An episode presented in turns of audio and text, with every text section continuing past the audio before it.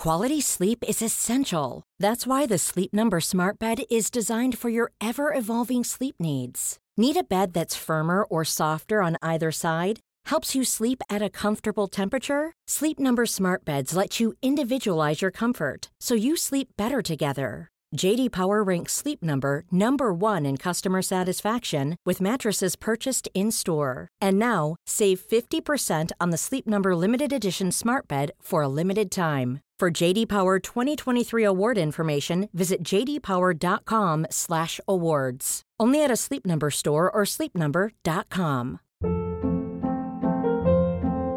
Hold up. What was that? Boring. No flavor. That was as bad as those leftovers you ate all week. Kiki Palmer here, and it's time to say hello to something fresh and guilt-free. Hello Fresh. Jazz up dinner with pecan-crusted chicken or garlic butter shrimp scampi. Now that's music to my mouth. Hello Fresh. Let's get this dinner party started. Discover all the delicious possibilities at hellofresh.com.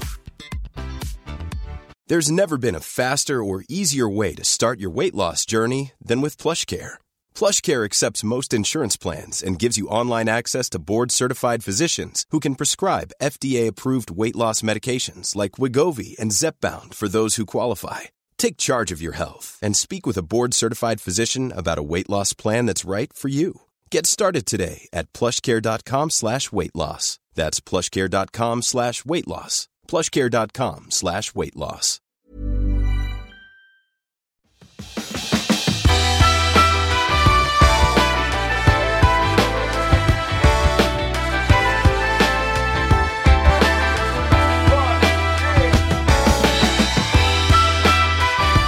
Hej och välkommen till Klimakteriepodden med mig, Åsa Melin, och gäster!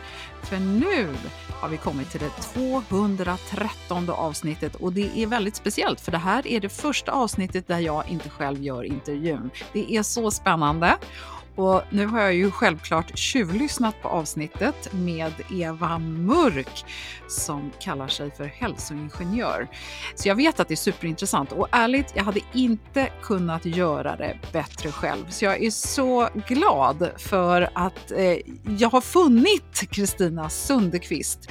Eh, faktum är att vi kände ju till varandra redan från avsnitt 172 och har haft möjlighet att träffas flera gånger. Så jag är jätteglad för att Kristina eh, ville höra av sig och nu är en av mina nya gästintervjuare. Så jag vill önska dig varmt och hjärtligt välkommen Kristina Sundekvist. Vem är du?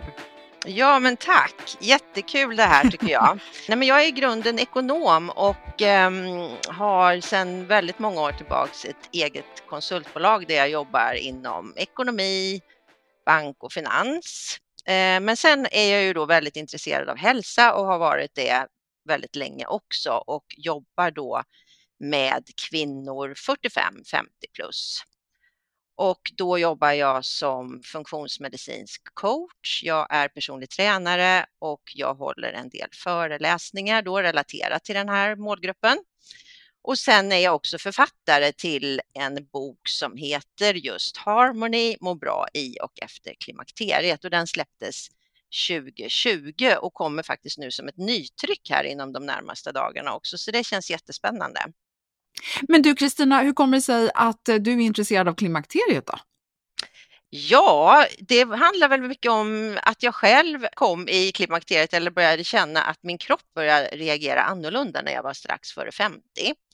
Och jag förstod väldigt snabbt ändå att det handlade om klimakteriet och jag började googla och leta för jag är ju en sån person som vill veta varför man mår på olika sätt och så vidare. Och jag hittade ingen information eh, och det var vi ju fler som var i det läget just. Det här är ju då åtta år sedan ungefär, sju, åtta år sedan var väl det här. Och då började jag göra egna efterforskningar och jag började skriva och samla på mig fakta och där föddes idén till min bok och sen har det liksom rullat på. Jag vidareutbildade mig då också i samband med det till eh, inom funktionsmedicin för att det kände jag att det var ett sätt att också förstå mer hur kroppen fungerar, förstå mer hur hormoner är och hur allting hänger ihop. Mm. Du berätta, vad kommer vi att få höra från dig och vad är det du vill fokusera på i dina intervjuer här i Klimakteriepodden? För förhoppningsvis så blir det ju inte bara den här med Eva Mörk som vi ska lyssna på nu, utan jag hoppas att det blir fler. Ja, och då kan det vara ämnen som redan har varit uppe i podden och det kan också vara nya ämnen, men att jag just hittar gäster där vi kan då förstå lite mer om bakomliggande faktorer och få mer fakta och kanske lite pusselbitar också som kan få kvinnor att må bättre. Så så har jag tänkt och det här avsnittet som vi kommer att lyssna på idag då med Eva, det är typiskt ett sådant avsnitt kan man säga. Och sen vill jag också lyfta den här kvinnan, den postmenopausa kvinnan mer. Vi har ju pratat lite om det du och jag Åsa, att Ja, för det är ju många kvinnor som, som har följt podden nu, som är i samma situation som både du och jag är, som började leta efter information för ganska många år sedan nu och som så att säga börjar undra lite grann, men okej, vad är det som händer nu och vad är det som händer sen och är det, det här det nya normala eller vad är vad? Så att det tycker jag är jätteintressant, för jag får många lyssnare som hör av sig om det, så det tycker jag är spännande. Men här kommer ju din premiär nu och eh, kan du inte bara berätta, Eva Mörk som vi ska lyssna på, varför varför har du valt eh, henne? Det var faktiskt ett ganska enkelt val för mig. Jag är själv, eh, det här avsnittet kommer ju att handla om eh, blodsocker, insulin och metabol hälsa och det är någonting som jag själv är väldigt intresserad av och verkligen vill försöka förstå bättre och bättre. Och det är ett komplext ämne, det är ett viktigt ämne och jag tror att om man förstår det här lite bättre så förstår man mer hur man kanske mår i den här livsfasen, för det påverkar väldigt mycket i kroppen.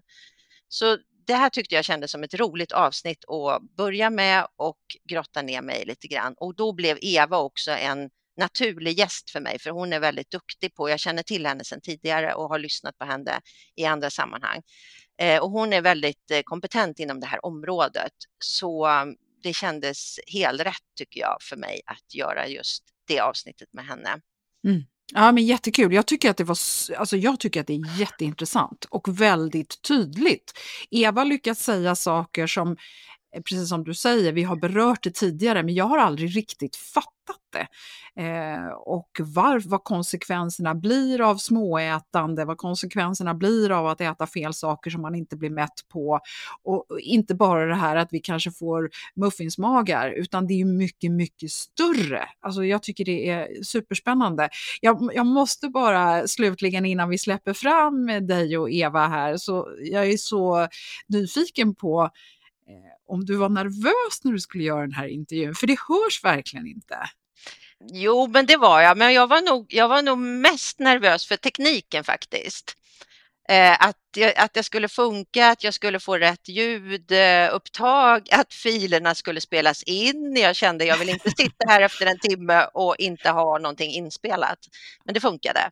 Så det var nog det jag var, det var, jag, det var jag lite nervös för. Och sen, sen såklart kändes det lite ovant för att jag har inte riktigt suttit på den sidan. Jag har ju mer hållit föreläsningar och kanske blivit intervjuad själv vid några tillfällen så att det var en liten ovana där att just ställa frågor och veta hur lång tid det tar och så där. Men jag, jag tyckte det var jättekul och jag, jag tyckte att det gick bra. Och eh, till nästa gång så kommer jag ju ha en helt annan vana. Okej, underbart. Det är så roligt att ha dig med Kristina Sunderqvist och eh, jag ser fram emot eh, lyssnarresponserna på det här. Så gå gärna in på Klimakteriepoddens Facebook och Instagram-sida och kommentera under avsnittet när ni har lyssnat på det. Så Strålande säger jag och eh, då får vi väl säga båda två nu då, välkommen att lyssna, eller hur Kristina? Ja, verkligen. Hoppas ni gillar avsnittet.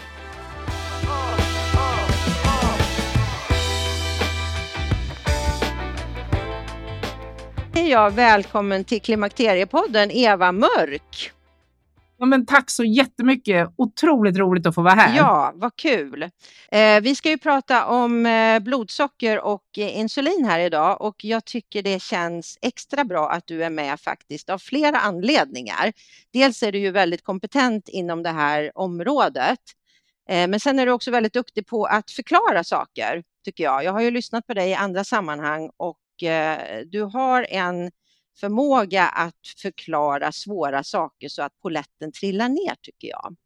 Så jag tänkte att innan vi kör igång här så ska jag ju självklart presentera dig lite närmare. Och du är ju i grunden civilingenjör och i mitten av livet så tyckte du att nu ska jag skola om mig lite här och då började du utbilda dig inom näringslära, funktionsmedicin och sen har du även eh, utbildat dig till beroendeterapeut inom mat och socker. Det stämmer ja, bra. Vad bra. Och nu jobbar du som utbildare, som föreläsare och du håller dig också inom eh, man kan väl säga inom det funktionsmedicinska området med en inriktning mycket på metabol hälsa och hormonell balans. Du jobbar väl lite som funktionsmedicinsk coach också? Ja, jag gör det på FANMED, den funktionsmedicinska läkarkliniken. Jag vet att doktor Peter Martin har ju varit här i Klimakteriepodden och pratat om mag och tarmhälsa. Exakt. Eh, och sen är du också företagsledare. Du är grundare till ett företag som heter Elitista som är en onlineutbildningsplattform för att jag brinner ju för att alla ska förstå sin egen hälsa och det gör man ju lättast genom då att lära sig nya saker och få det mer då som en utbildning i, i ja, och Jag har ju lyssnat på några utbildningar där också och de är ju väldigt intressanta måste jag säga. Ja, eh, men, eh, och sen är du också författare till en bok som heter Bli din egen hälsoingenjör, verktyg för metabol hälsa. Och det är ju en väldigt passande bok då kan man säga med tanke på dagens ämne också. Ja, Så jag tänkte faktiskt att du ska få berätta lite om det här med hälsoingenjör, för det känner jag att det har ju blivit lite av ditt signum. Ja, tack. Jag, jag kallar mig själv då för en hälsoingenjör och det är ju att jag kombinerar min tekniska bakgrund som civilingenjör från KTH med en utbildning som vi pratade om inom näringslära, funktionsmedicin och också beroendeterapeut inom mat och socker. Och det är väl egentligen främst två anledningar till att jag blev en hälsoingenjör. För jag bytte ju bana mitt i livet. Och den första anledningen det är att jag under nästan hela mitt yrkesverksamma liv har haft mycket personalansvar jag har jobbat som vd över 20 år i it-branschen och med personalansvar så växer ju frågan eh, vilket ansvar har man som arbetsgivare att föra folkhälsan framåt och inte mm. bakåt. Mm. Får man då sina medarbetare kanske att, att topprestera, för det är det som krävs nu för tiden med, med den konkurrens vi står inför, utan att man blir eh, sjuk och utsliten. Och min absoluta övertygelse här efter 20 år med väldigt mycket personalansvar, det är att de människor, men också de företag som inte har en strategi, som inte förstår vad är det i den här moderna livsstilen som är så farlig? Vad är det man blir sjuk av? De riskerar ju verkligen att, att eh, drabbas av någon av våra livsstilssjukdomar. Det är den ena anledningen. Min andra anledning det är att jag har ju en egen hälsoresa som många andra inom hälsobranschen som är, har varit lång och krokig. Jag är adopterad från Sydkorea. Jag kom till Sverige när jag var 11 månader och jag tror faktiskt att jag aldrig har varit gjord för den här västerländska maten. Jag är uppvuxen på 70-talet med väldigt mycket bröd, pasta, ris, väldigt mycket mjölkprodukter, men framför allt väldigt mycket lightprodukter. Mm. Jag har ätit allt som det överhuvudtaget stått light på och från tonåren så hade jag problem med vikten. Så att jag har spenderat 20 år med att eh, äta, banta, räkna kalorier. Jag trodde att hälsa handlade om att äta mindre, springa mer. Eh, jag kompensationstränade i perioder och resultatet efter de här 20 åren, det var faktiskt mer övervikt i slutändan och tyvärr då en tunnare plånbok, för det är ju dyrt att, att följa alla de här mm. dieterna. Och det där är väl också någonting som jag tror många kan känna igen sig i. I varje fall i våran ålder, att just de här det här med lightprodukter och det här att man har varit rädd för fett och ätit väldigt mycket kolhydrater. Det, det är det nog många som känner igen sig tror jag. Ja, och det var först när jag fick hjälp, alltså jag fick verkligen hjälp. Det här var redan 2001 eh, eh, eller 2002, så det var väldigt tidigt. Jag har varit med länge i branschen men liksom inte jobbat med det här det var då jag, när jag började förstå hur de här hormonella systemen för fettförbränning, fettinlagring, hunger och mättnad, hur det fungerade. Det var då jag fick de resultat jag önskade. Och, och det var då jag också började förstå det här vidden med, med metabol hälsa, insulin, blodsocker, leptin och allt det där hängde ihop. Och eh, det var då mitt enorma intresse för det här, för metabol hälsa föddes. Eftersom jag då är ingenjör så gillar jag ju problemlösning, lite, lite generaliserat sett. Och då vill jag ju förstå, hur kommer det sig att när jag gjorde precis som alla sa åt mig, då var jag trött, sjuk och överviktig. Och när jag gjorde precis tvärtom så blev jag mycket piggare, smalare, friskare och gladare. Och, och det jag verkligen då började penetrera, det var ju att, att om man ska vara en framgångsrik ingenjör, då behöver man ju liksom, man behöver förstå problemet innan man går på lösningen. Det, det, är hela grejen och det kan ju tyckas självklart alltså för, för folk som jobbar då inom teknikbranschen. Men inom hälsobranschen så är det absolut inte lika självklart. Där går man gärna på lösningen innan man har en aning om vad problemet är. Och man har också väldigt svårt att skilja mellan orsak och verkan. Det, orsak och liksom resultat kan man säga. Till exempel om du är förstoppad, då är ju resultatet att du inte kan gå på toaletten. Det är ju inte orsaken. Orsaken kan ju vara att du är stressad, att du har eh, en tarmflora som inte fungerar, att du har druckit för lite och resultatet blir eh, förstoppning, att du inte kan gå på toaletten. Och precis samma sak är det faktiskt med övervikt och fetma. Eh, övervikt och fetma är alltså resultatet av någonting, det är inte orsaken, utan orsaken är i de allra flesta fall att man då har för mycket insulin eh, i kroppen och att man då har blivit insulinresistent. Det vill säga övervikt och fetma är alltså en hormonell obalans. Och om det är det som är problemet, då är det insulinnivåerna som måste sänkas och inte, då är det inte vikten i sig, utan det är ju bara resultatet.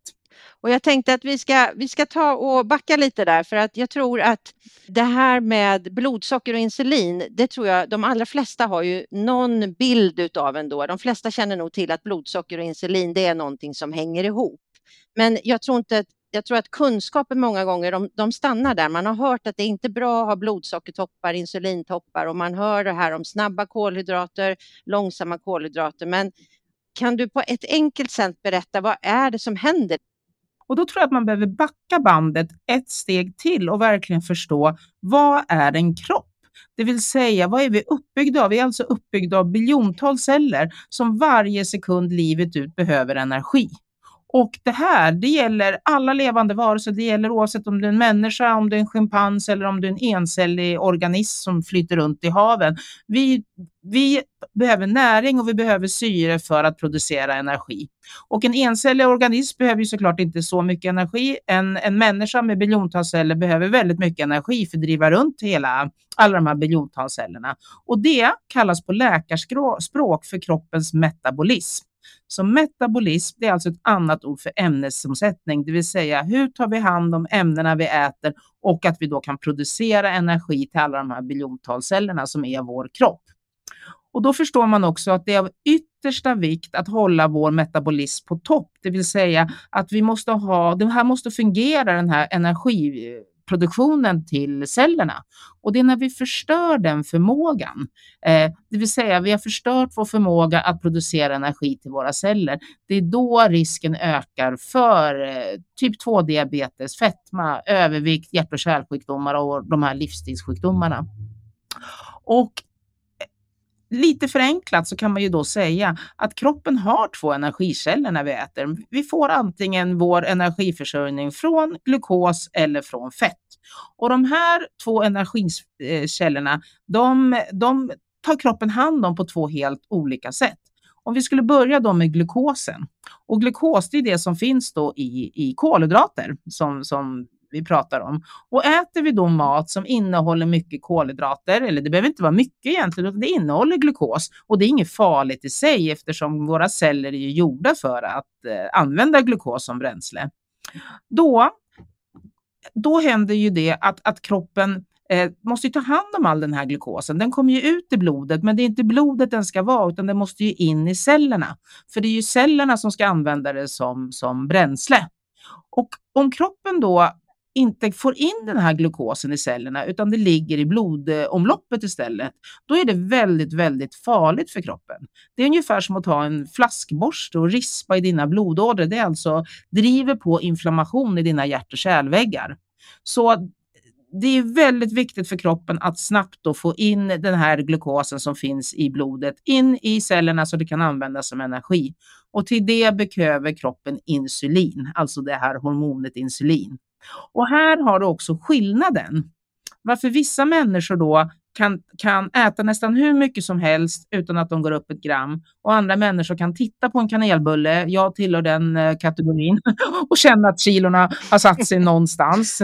För att vissa människor behöver kanske dubbelt så mycket, 3, 5, 10, 50, 100 gånger så mycket mer insulin för att få in då blodsockret i, i cellerna än andra människor. Och ju mer insulin man har i blodomloppet så att säga, eller i kroppen, desto svårare har man att eh, gå ner i vikt för att det blockerar alltså fettförbränningen. Men vad beror det på då? Kan man på något sätt påverka det här att man då har svårare att ta emot det här för att man kanske har ätit väldigt mycket av de så kallade snabba kolhydraterna? Eller? Absolut, och där tror jag man måste göra den stora distinktionen här. Det är faktiskt att man måste förstå att det är socker, det vita sockret som består av hälften glukos, hälften fruktos. Det är mycket, mycket farligare än att äta till exempel stärkelse för, eh, som bara består av långa glukosmolekyler för de som är friska faktiskt. För att fruktos, det, det, metaboliseras på ett annat sätt i kroppen och det är alltså vår lever som tar hand om fruktosen medan glukos, det kan ju alla celler i, i hela vår kropp ta hand som bränsle. Så dricker man mycket sockrade sockrade läskedrycker, fruktjuicer, teer, eh, isteer och sånt där. Då får man i sig väldigt mycket fruktos och fruktos vet man att det det kan omvandlas då till fett i levern och det kan även trigga fettinbildning i levern. Och det är där allting börjar. Ju mer fett man har i levern, desto mer insulin behöver man alltså för att få in blodsockret i cellerna. Och då tänker jag ju gärna så här på det här med mellanmål tänker jag ju då, för att det är ju lätt att man tar sig då kanske en liten fruktjuice, lite så, ja, men som mellanmål eller en, en smoothie och jag tänker även på kaffe som man går runt och dricker med den här med till exempel havremjölk eller vanlig mjölk. Är det också sånt som triggar blodsockret? Enormt. Och de här tre, man ska äta var tredje timme för annars så blir det jättefarligt för att blodsockret sjunker. Den har man ju hört några gånger. Den tror jag vi känner igen också. Kroppen har ett idealläge vad det gäller blodsocker och, och, och, historiskt sett så har det aldrig varit något problem att ha höga blodsockernivåer för vi har inte ätit den typen av kost egentligen. Det är ju de senaste kanske 30-40 åren vi har börjat äta mycket, mycket mer snabba kolhydrater och Eh, och socker. Så liksom, det är inte det som har varit eh, problemet överhuvudtaget. Men eh, nu för tiden då, när vi, när vi belastar vår kropp hela tiden med den här typen av mat, då varje gång vi äter så driver vi upp blodsockret, vi driver upp insulinet och då ska man komma ihåg att fettförbränning, alltså av det lagrade fettet, det kan bara ske mellan måltiderna när både blodsockret och insulinet är lågt. Så det är nästan det mest effektiva sättet att att, att se till att man inte bränner lagrat fett, det är ju att dricka kaffe latte, att småäta hela tiden. Mm. Du brukar ha en väldigt bra liknelse där tycker jag. Du brukar prata om ett kylskåp och en frys. Det, man vill ju gärna visualisera saker och ting och jag tror man kan liksom se på sin kropp som att kylen, det är den maten vi äter. Det är ju färskvaran så att säga. Och frysen, det är den lagrade maten som vi, ska ta, som vi kan ta när det inte finns tillgång på färsk mat kan man säga. Och då ska vi se på våra kroppar på samma sätt, att vi äter mat och så finns det fett som är lagrat och det kan vi använda i de perioderna vi inte kan äta. Problemet är ju att om vi ständigt liksom äter och vi äter alldeles för mycket, ungefär som ni vet när man handlar för mycket mat och sen så grips man lite av panik för man ser att, att man kommer inte äta upp allt det. Då trycker man in det i frysen.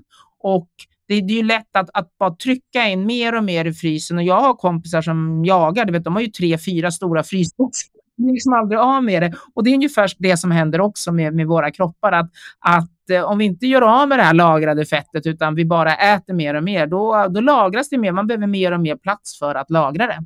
Problemet är ju då när man har höga insulinnivåer, det det är som att du skulle sätta ett lås på frysen.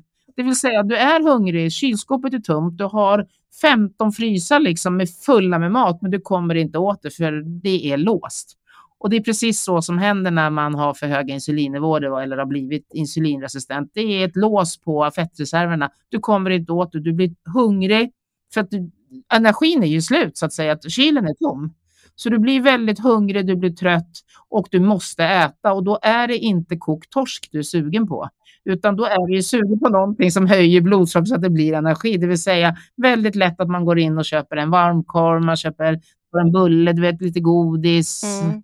eller någonting sånt. Och, eh, och då höjer man blodsockret, man driver upp insulinet och sen är den här onda cirkeln igång.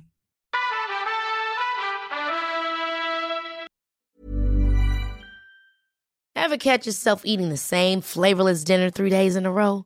Dreaming of something better? Well, HelloFresh is your guilt-free dream come true, baby. It's me, Gigi Palmer. Let's wake up those taste buds with hot, juicy pecan-crusted chicken or garlic butter shrimp scampi. Mm. Hello Fresh. Stop dreaming of all the delicious possibilities and dig in at HelloFresh.com. Let's get this dinner party started. There's never been a faster or easier way to start your weight loss journey than with PlushCare. PlushCare accepts most insurance plans and gives you online access to board-certified physicians who can prescribe FDA-approved weight loss medications like Wigovi and Zepbound for those who qualify. Take charge of your health and speak with a board-certified physician about a weight loss plan that's right for you. Get started today at plushcare.com slash weight loss. That's plushcare.com slash weight loss. plushcare.com slash weight loss. Life is full of what-ifs. Some awesome, like what if AI could fold your laundry? And some, well, less awesome, like what if you have unexpected medical costs?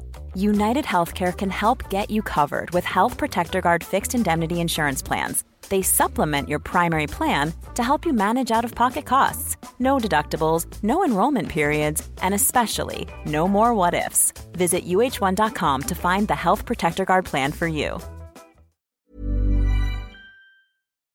Det är härligt att klimakteriets tabu äntligen är på väg bort. Vill man försöka klara sig utan hormonbehandling så finns nu många nya kosttillskott som lovar bland annat hormonell balans och som ska stötta brister. Jag vill lyfta min räddare i nöden, Femarel. Det har inte bara varit min utan många andra kvinnors räddning i över 20 år. Och med lång tid på marknaden, med nöjda användare, dessutom med 20 forskningsstudier så vågar jag säga att det kan vara en god idé att prova Femarel. Femarel finns på apoteken och i hälsokostbutiker. Tack Femarel som varit min samarbetspartner i många år.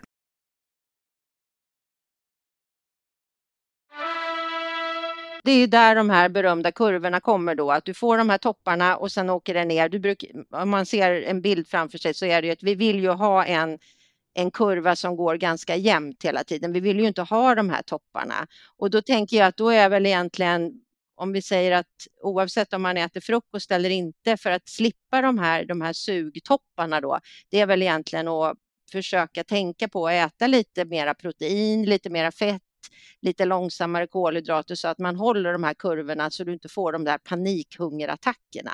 För det är ju då, det är väl lite då du kommer in i de här onda cirkeln. Visst, visst, blodsocker, höga liksom blodsockertoppar och så där, det driver naturligtvis sug och hungerkänslor, absolut.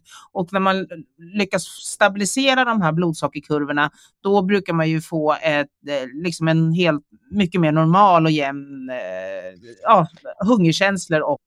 Jag tänkte på, vi har redan varit inne på det här med insulinresistens lite grann. Eh, och hur vet man att man är insulinresistent? Det här tycker jag är en jättebra fråga, för det är jag som då är lite ingenjörsmässig. Det är nämligen så här att hälsa går att mäta. Det här är väldigt enkelt att, att mäta insulinresistensen och jag tycker att det är oerhört viktigt att förstå var någonstans på den metabola skalan man befinner sig. För det är är jättestor skillnad om man precis har börjat förstöra sin ämnesomsättning eller att den, den är i början eller om man nästan är på väg att få typ 2-diabetes. Det, det kan vara 20 år som skiljer däremellan. Och det är verkligen inte så lätt att säga att att man borde äta på ett, ett visst sätt. För jag, det är nämligen så här att metabolt friska personer, unga personer, det är ju, det är ju få tioåringar som får en hjärt-kärlsjukdom. Mm. Och, och, även unga friska män, kvinnor som har bra med muskelmassa, de tränar, liksom metabolismen fungerar. De kan ju äta på ett helt annat sätt om, om du är en trött, sönderstressad, överviktig kvinna då i klimakteriet. För där har man inte samma, man är mer insulinresistent, man kanske har varit över längre tid och då behöver man äta på ett annat sätt. Det vill säga du måste veta var någonstans du befinner dig på den här skalan. Och då, jag tycker det borde vara lika naturligt att ha koll på sitt blodsocker som det skulle vara att borsta tänderna ungefär. För det är där man börjar se hur, hur, eh, var någonstans på skalan man befinner sig. Men då ska man ju veta att in, när blodsockret börjar eh, skjuta i höjden och man börjar komma in på prediabetesnivåer, då har man förmodligen under 10-15 år gått med för höga insulinnivåer i eh, kroppen. Mm. Så jag tycker att man mäter ett, ett, någonting som kallas för C-peptid. Det är ett restämne då från insulin, så att för varje molekyl insulin som produceras, produceras det C-peptid. Så att C-peptiden är ändå lättare att mäta för den har längre halveringstid. Och mäter man den så är det nästan linjärt, det vill säga ju högre C-peptid, ju mer insulin har man då i, i kroppen. Och sen finns det matematiska modeller, man kan räkna ut någonting som kallas för HOMA-IR, där man kan se graden av insulinresistens. Så då, för att ha lite koll på sig, sin kropp helt enkelt, så är det ett ganska enkelt sätt att börja mäta blodsockret helt enkelt, så man vet vad man har för utgångsläge, eller hur? Ja, och, och, och då ska man ju och egentligen är det inte så enkelt att det bara är blodsockret, för blodsockret är ju också bara ett resultat av att man har blivit insulinresistent när då blodsockret börjar stiga. Så att man behöver titta, tycker jag, på alla de här metabola markörerna och göra en bedömning. Och, och jag gör ju det, jag har gjort det på så många. Och då tittar man på inre förfettning, för det är där det börjar. Mm. Det vill säga hur mycket inre fett har man? Man kan titta, det är bara att mäta midjemåttet. Du kan mäta, är det mer än 88 centimeter som kvinna eller 102 som man, då vet man att, inte att man har blivit lat och, och seg, utan man vet att man börjar få en metabol rubbning. Men det är väl ett väldigt bra, eh, ett väldigt bra mått egentligen att ha med ja. sig. Om man märker att man kanske lägger på sig vikt och sen framför allt om man då känner att det börjar svälla ut över magen, då ska man väl ändå tänka lite att det är ett litet varningens finger, att nu börjar det nog hända någonting här verkligen strunta i rumpan och låren. Det kan bli irriterande, men det får man leva med så att säga. Men man kan ha bukfetma utan att man är metabolsjuk, men det är liksom det där det börjar, att man börjar lägga på sig eh, och då bör man få en försämrad blodsockerreglering. Så jag tycker jag det är jätteviktigt att titta på muskelmassa. Ja. För det är inte våra fettceller som kräver energi, utan det är våra muskler. Det vill säga, har man i, tränar man inte styrketräning, tappar man muskelmassa, då får man en felbalans och man kan inte, det finns liksom inga, inga celler som ska ta hand om all den här glukosen då som man eh, äter. Sen är det också viktigt att titta på blodsocker, det är viktigt att titta på fastinsulinet, det är viktigt att titta på HOMA-IR, det är viktigt att titta på sina blodfetter, blodtrycket. Det här är ju de metabola markörerna som faktiskt hänger ihop. Mm. Och också titta på blodsockret, tycker jag, innan måltid, innan man äter. Vi är väldigt eh, intresserade av att titta på kurvorna och det är naturligtvis intressant på ett sätt. Men det som är intressant det är hur hög är din blodsockertopp och hur lång tid har du högt blodsocker, det vill säga när kommer det ner på de här optimala nivåerna igen. Så det är en fråga om höjd och det är en fråga om eh, tid alltså. Mm. det är viktigt att analysera. Det är en hel vetenskap det här, verkligen. Det är, det, är lite nördig, ursäkta. Men... Ja, men det, jag tycker det här är superintressant, men det blir ju så här att ju mer man lär sig om det här så förstår man ju hur stort och hur komplext det här faktiskt är. Men du, jag tänkte mm. att eh, vi ska ta och också gå in lite grann på det här som du redan har nämnt att vi får ju, eller det vet vi ju att i, när vi kommer i klimakteriet eller åren runt och före menopaus och sådär, eh, alltså när östrogenet börjar funka och östrogenet mm. börjar plana ut, då blir vi ju... Precis, vi blir mer insulinresistenta då. Exakt.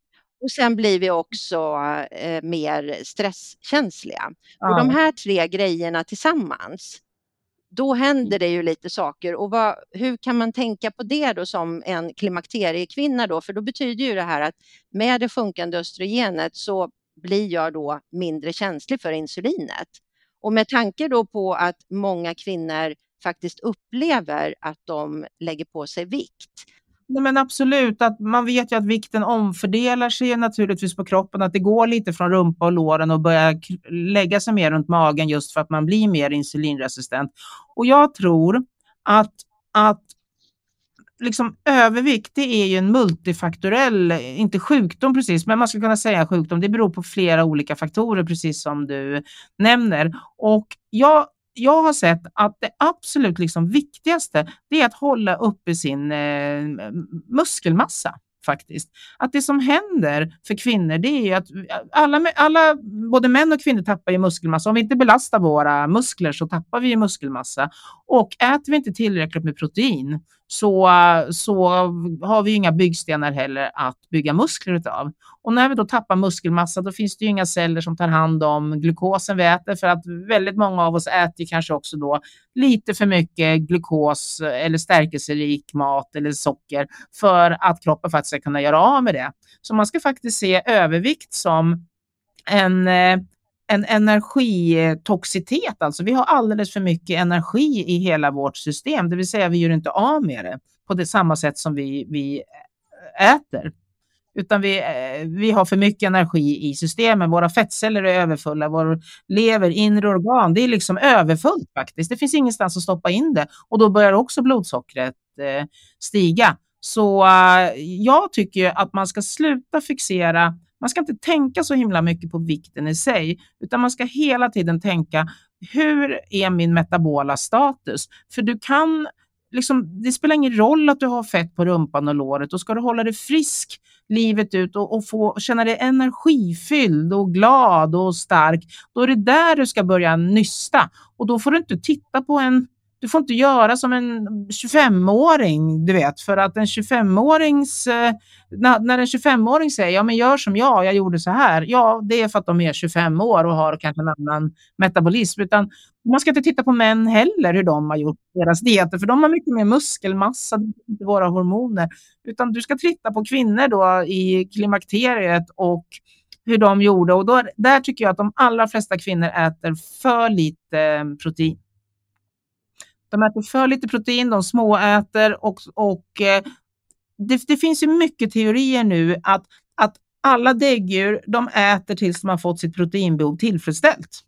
Det vill säga, äter du för lite protein, då kommer man fortsätta äta för att få i sig proteinet. Och äter man mycket kolhydrater, då måste man äta väldigt mycket kolhydrater för att få i sig samma mängd protein.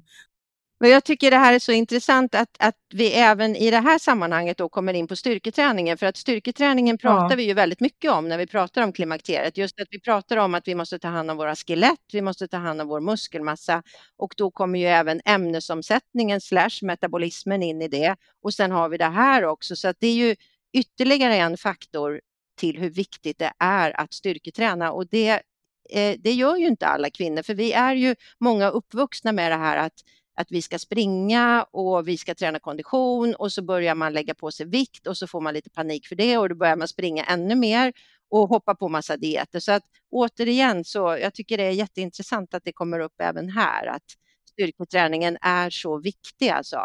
A och O, det ska prioriteras och, och, och, även då proteinet ska prioriteras eh, i, vid alla måltider i princip. Att säkerställa att man får i sig liksom högvärdigt protein som, som, är bra för, dina kropp, för som är bra för din kropp. Och då kommer man ju också ifrån det här småätandet. Tycker ja, jag. Det är väldigt få kvinnor som faktiskt äter sig mätta på riktig mat. Men om vi återgår till just klimakteriet här, ska man tänka vi har ju både förklimakteriet, vi har menopaus, vi har tiden runt menopaus och sen har vi postmenopaus också. Ska man tänka olika här? Är det så att om vi säger att insulinkänsligheten nu börjar då bli sämre, mm. kommer det trappas upp? Så när man är 60 så är, det liksom, är man ännu mindre känslig då för insulinet? Lite så är det faktiskt, men det beror ju också på hur väl man sköter sig. Man kan ju generellt säga att ju yngre man är, desto mer Eh, socker, glukos, stärkelserik mat brukar man ofta klara. Eh, men man får tänka på att med den här dagens moderna livsstil så är det många som får en metabol rubbning redan, redan i, i, i, unga år. Alltså. Då märker man kanske inte riktigt på samma sätt, för man håller på att strula med vikten, men så, så blir det ännu värre naturligtvis i, i klimakteriet. Så jag tycker att det är viktigt att kartlägga sin sin eh, vikthistoria, inte ur ett utseendeperspektiv utan mer för att förstå att, att dina hormonella system kan ha liksom blivit eh, krångla, krångla redan då från 20 års ålder egentligen. Och framförallt ska du titta på, hade du graviditetsdiabetes? Det är det absolut tydligaste tecknet på att kroppen inte riktigt klarar av den här Eh, regleringen och att man är insulinresistent. Det, det är ett så tydligt varningstecken och där är det ju, löper man ju väldigt stor risk att drabbas av typ 2-diabetes om man inte tar det på eh, allvar. Så ju, ju yngre man är, desto mer klarar man ju av så att säga. Man kan sova mindre, man kan stressa mer, du vet, man kan kommer undan med att äta lite hipp som haps och sådär om man, kroppen är ung. Men så fort man börjar komma in där, eller vad man kallar då i, i själva menopausen, så, så är det ännu viktigare att faktiskt hålla sig borta från sockret. Det skulle jag säga. Av allting så är det sockret. Mm. Men eh, kan man, om vi säger om man då har fått, kommit in i den här loopen då med insulinresistens, eh, leptinresistens som då betyder att man inte känner mättnad på samma sätt som man gjorde ja. tidigare. Kan man reversera det här på något sätt eller är det så att man då har kommit in i någon typ av kroniskt tillstånd, att det blir svårt att, att få tillbaks den här friska metabolismen? Förstår du? Alltså det går absolut, för det man måste tänka på det är att våra kroppar är inte våra fiender som bara vill sabba för oss, utan kroppen vill ju precis samma sak som du. Den vill ju ingenting hellre än att ha en frisk metabolism som klarar av den här energiförsörjningen, så den gör ju inte det för att jävlas med en, även om det känns så ibland när kilona sätter sig liksom lite här och där. så, så, så vill den ju inte det, utan det går absolut att få tillbaka, eh, liksom att reversera det här. Sen kanske man inte kan reversera det som man var när man var 20, liksom. men man måste hela tiden inte tänka på det som att det är svart eller vitt, utan det här är en flytande skala. Så bara att du stoppar det, det är första steget tycker jag. Att det, tänk dig som att det är en glidande skala. Först måste du stoppa utvecklingen och sen börjar du liksom klättra uppåt igen och du kanske inte kommer hela vägen. Det beror på hur länge du har varit överviktig, det beror på hur många gånger du har bantat, det beror på en tidsaspekt, det beror på ärftliga faktorer. Du vet, det är så mycket som spelar in så att jag tror att det är farligt att gå och drömma om att man vill se ut som någon. Eh, vi lever i ett sånt samhälle, du vet, där man ska vara smal till varje pris, att man ska se ut som en 20-åring. Ibland får man faktiskt bara vara glad över att man har kanske försvunnit 3-4 kilo fett runt sina inre organ och att man då är mycket mer fri, eh, metabolt frisk. Ja, men hur börjar man då på ett enkelt sätt? Då tycker jag första regeln det är alltid att fasta alltid 12 timmar. Det, vet, det här är en ganska enkel regel, men våra kroppar behöver vi, alltså enda sättet att få igång en fettförbränning av lagrat fett är genom att inte äta egentligen när man har drabbats av det här. Och ett av de stora problemen det är att man sitter och äter på kvällen, du vet vid nio tiden framför Netflix. Och sen eh, och, och, och då har man ätit liksom innan man går och lägger sig, då, då betyder det att kroppen behöver ta hand om maten medan man sover. Man kickar inte igång någon fettförbränning då. Och sen äter man frukost på morgonen. Det går kanske bara åtta timmar däremellan.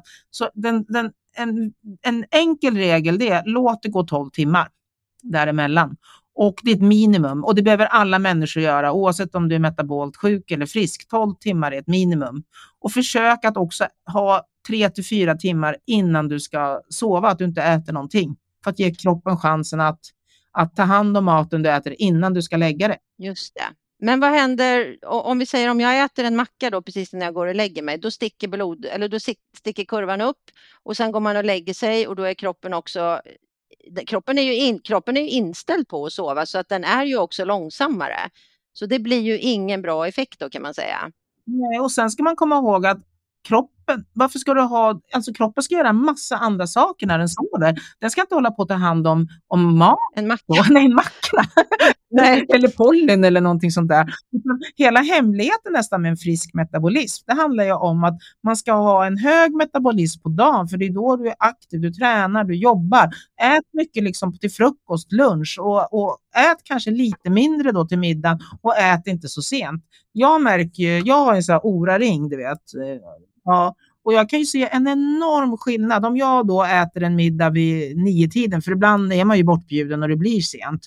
Då får jag så dåliga värden på allt. För då ser jag, jag, jag går inte ner i någon djup vila överhuvudtaget, utan hela min kropp går på högvarv ända fram till 4-5 för att ta hand om all den här maten jag åt vid nio tiden. Mm. Jämfört med om jag äter vid halv sex, sex. Då har jag helt andra värden. Och det här gäller nästan ja, de alla. Utan vi, vi sover och då kanske vi inte upplever att vi sover dåligt. Utan vi, vi tror att vi sover men så ser man att man, eh, kroppen har gjort helt andra saker.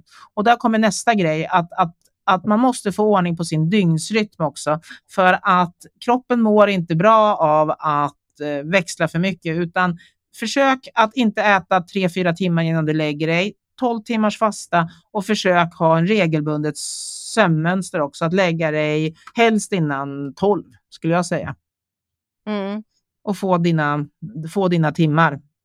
Rutiner och sen kanske, precis som du har varit inne på, att man försöker också få in att äta lite mer protein så att man inte får, för att du får ju ofta det där, så brukar jag tänka, om man får det där suget på kvällen, då är ju det ofta ett resultat av vad du har ätit under hela dagen. Ja, och nästan 99 procent av alla män och kvinnor som berättar, och det här är ju ett fysiskt sug, så det har ingenting med karaktär att göra, utan vid fyra, fem på eftermiddagen, då kommer suget från hell. Liksom. Och det är ofta energibrist, så att jag skulle säga att för att återställa hela sin liksom, rytm, då handlar det om att ät på morgonen när du vaknar och då äter du mycket protein. Det vill säga lugna kroppen med att den har fått sitt proteinbehov tillfredsställt. Då äter du liksom minst hälften av det protein du behöver under dagen. Eh, Jag brukar ofta äta kyckling eller köttfärs faktiskt.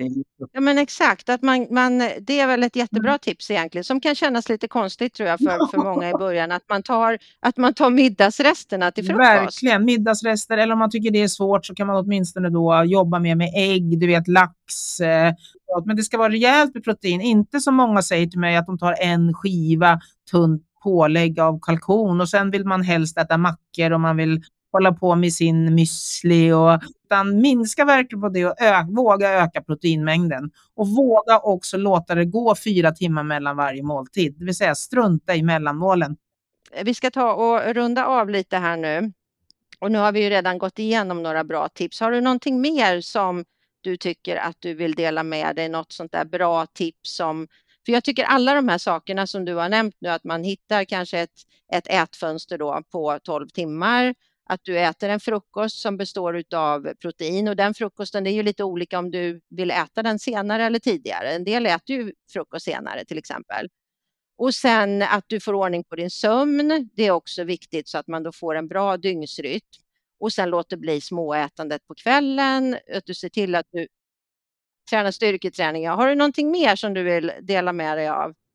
Alltså det här kan verka som ett litet märkligt tips, men jag som är lite nördig det där med sömn och grejer och mäta, jag började för några år sedan att tejpa min mun. Ja, den, den har vi haft med här i Klimakteriepodden tidigare. Ja, Ja, ni har det? Ja, jag måste säga, jag som jag har mätt på min har- jag har fått såna otroligt bra värden genom att tvinga min kropp att eh, andas genom näsan. Jag kunde faktiskt inte tro att det skulle bli sån eh, enorm skillnad och nu är jag helt, jag kan inte tänka mig att inte tejpa Nej. munnen när jag ska sova faktiskt. Men sen är det naturligtvis det här med, med, med stressen eh, och eftersom jag då gillar att mäta saker så har jag ju ofta en sån här CGM som det heter, att jag kan mäta mitt blodsocker regelbundet. Jag, jag kan, fast jag inte ätit på fyra timmar, du vet, jag, jag har ett blodsocker som ligger på kanske fyra och ett halvt och sen blir jag stressad. Och då sticker blodsockret upp till över sju inom loppet av någon minut. Alltså, så tro inte att att varje tanke och känsla ni har får en biokemisk eh, respons i din kropp. Ingen går opåverkad av vår moderna livsstil. Så att stressen är mycket, mycket mer toxisk än vad vi förstår. Det påverkar oss mycket mer än vad vi förstår. Och sådana blodsockertoppar hela tiden för att man hetsar upp sig, du vet, man blir stressad, man tänker att nu har jag missat det här, nu har jag glömt det här. Det påverkar jättemycket. Så att just det här med stressen är väldigt svårt att, att få till. Men, men att försöka hitta sitt sätt att åtminstone lära sig andas och få ner då pulsen när man blir så här stressad och, och djupandas, det tror jag är, Mm. är jätteeffektivt. man skulle kunna prata hur länge som helst om det här. Vi kanske får ta hit dig i ett nytt avsnitt och, och spinna vidare på det här. Vi får se. Jag tycker det var jättebra tips och eh, vi landar ju hela tiden i det här med stress och styrketräning tycker jag, även i det här fallet. Så det är ju jätteintressant. Ja, det som slutord, att det vi vill eftersträva det är någonting som vi kallar för metabol flexibilitet. Alltså att kunna Kroppen ska kunna använda både glukos och fett som bränsle. Vi är gjorda för det. Men när vi ständigt då äter mat som innehåller mycket glukos och vi har fyllda glykogenlager, liksom våra muskler, våra inre organ, allting är fyllt med antingen glukos eller fett. Då finns det liksom inget utrymme för den här flexibiliteten att börja bränna fettet. Så att, att, att det är en strävan att kunna både äta fett och protein och kunna bränna, eller glukos och kunna bränna det naturligtvis. Men för att kunna göra det behöver vi tömma lagren ibland och det gör man genom lite längre i faster, man gör det genom träning, man kan göra det genom väldigt strikt lågkolhydratkost under, några, un, un, under en period. Men målet är inte att alltid leva så, utan det är den flexibiliteten som är det viktiga. Vi ska kunna använda bägge systemen och träna bägge systemen, inte bara antingen eller. Det blir väl ett bra slutord tycker jag. Men du, då tackar jag för din tid och medverkan här i Klimakteriepodden. Ja, det var jätteroligt att komma hit. Och jag hoppas att, och det tror jag faktiskt också, att lyssnarna har säkert fått med sig en och annan pusselbit här som de kan använda i sin vardag. Ja, det hoppas jag med.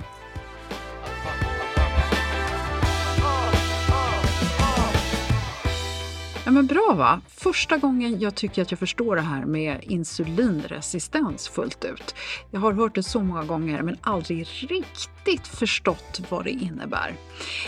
Det är så att avsnitten med Peter Martin som Eva och Kristina talar om i början är 197 och 198 och andra avsnitt som du kan vilja lyssna på och eh, som är relevanta och handlar om ämnesomsättning och metabolism är 171, 173 och 183.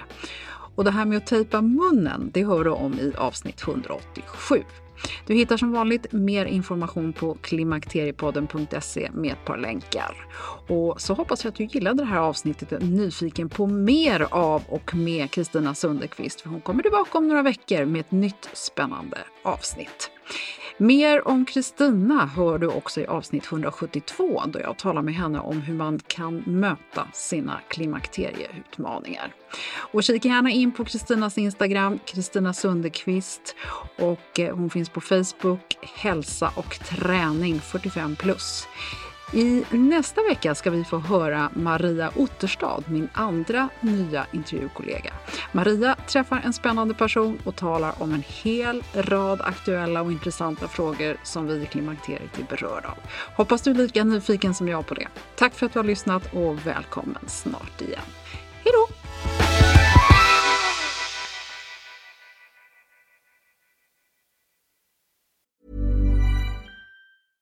Ever catch yourself eating the same flavorless dinner three days in a row? Dreaming of something better? Well, HelloFresh is your guilt-free dream come true, baby. It's me, Kiki Palmer. Let's wake up those taste buds with hot, juicy pecan-crusted chicken or garlic butter shrimp scampi. Mm. Hello Fresh. Stop dreaming of all the delicious possibilities and dig in at HelloFresh.com.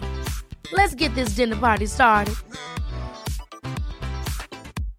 Imagine the softest sheets you've ever felt. Now imagine them getting even softer over time. That's what you'll feel with Bowl and Branch's organic cotton sheets. In a recent customer survey, 96% replied that Bowl and Branch sheets get softer with every wash. Start getting your best night's sleep in these sheets that get softer and softer for years to come. Try their sheets with a 30-night guarantee. Plus, get 15% off your first order at bowlandbranch.com. Code BUTTERY. Exclusions apply. See site for details.